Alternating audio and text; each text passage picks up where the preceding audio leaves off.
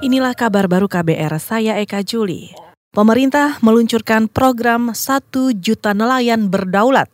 Menteri Koordinator Bidang Kemaritiman Luhut Binsar Panjaitan berharap pemanfaatan kekayaan maritim di Indonesia bisa lebih maksimal para nelayan akan mendapat pendampingan dan pemberian aplikasi digital bernama Fish On untuk menunjang kerja. Ya, dengan teknologi tadi kan kita bikin kemudahan. Jadi jangan teknologi itu hanya dinikmati oleh kelas menengah atas saja. Teknologi itu juga bisa dinikmati di kelas bawah. Nah pemerintah mendorong itu dan saya kira inisiatif dari Pak Purbaya, tadi Pak Anu Pak Bupati, anak muda ini sudah memberikan kesaksiannya beliau sendiri karena tadi dia datang dari anak pesisir. Jadi kalau ini terjadi, saya kira akan bagus. Menteri Koordinator Bidang Kemaritiman Luhut Binsar Panjaitan juga menambahkan, sosialisasi dan pelatihan program 1 juta nelayan berdaulat akan melibatkan nelayan, koperasi, tempat pelelangan ikan, supplier, pedagang ikan, dan lain-lain. Program ini diklaim bisa meningkatkan pendapatan nelayan minimal 10 juta rupiah per bulan.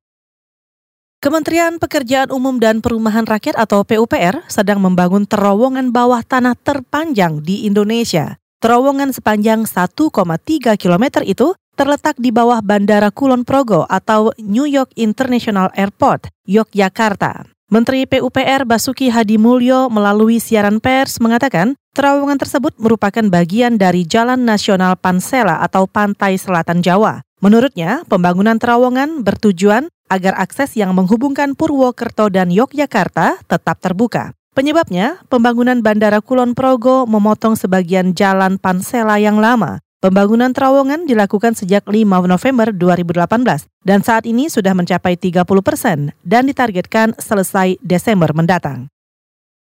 Amerika Serikat mendesak agar operasi militer di Libya segera dihentikan. Penghentian dilakukan karena Tentara Nasional Libya pimpinan Khalifa Haftar mulai memasuki ibu kota Tripoli. Menteri Luar Negeri Mike Pompeo mengatakan sangat prihatin atas pertempuran di dekat Tripoli akibat serangan pasukan Haftar. Dia mendesak digelar pembicaraan untuk menghentikan pertempuran. Pasukan Haftar, saudara, melancarkan serangan udara di selatan Tripoli pada minggu dan memasuki pusat kota. 11 orang tewas dan 23 lainnya terluka akibat bentrokan di Tripoli Selatan. Haftar menyebut dirinya sebagai musuh ekstremis Islam, menikmati dukungan Mesir dan Uni Emirat Arab. Mereka melihat Panglima berusia 75 tahun itu sebagai benteng melawan Islamis dan mendukungnya secara militer.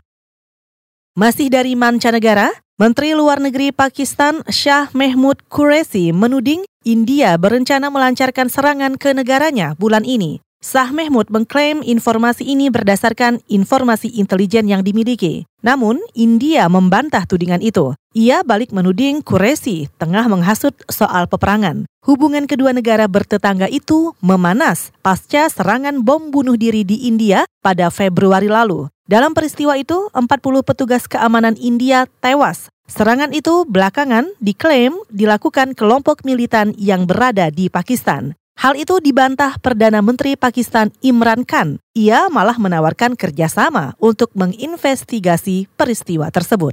Saudara demikian kabar baru, saya Eka Juli.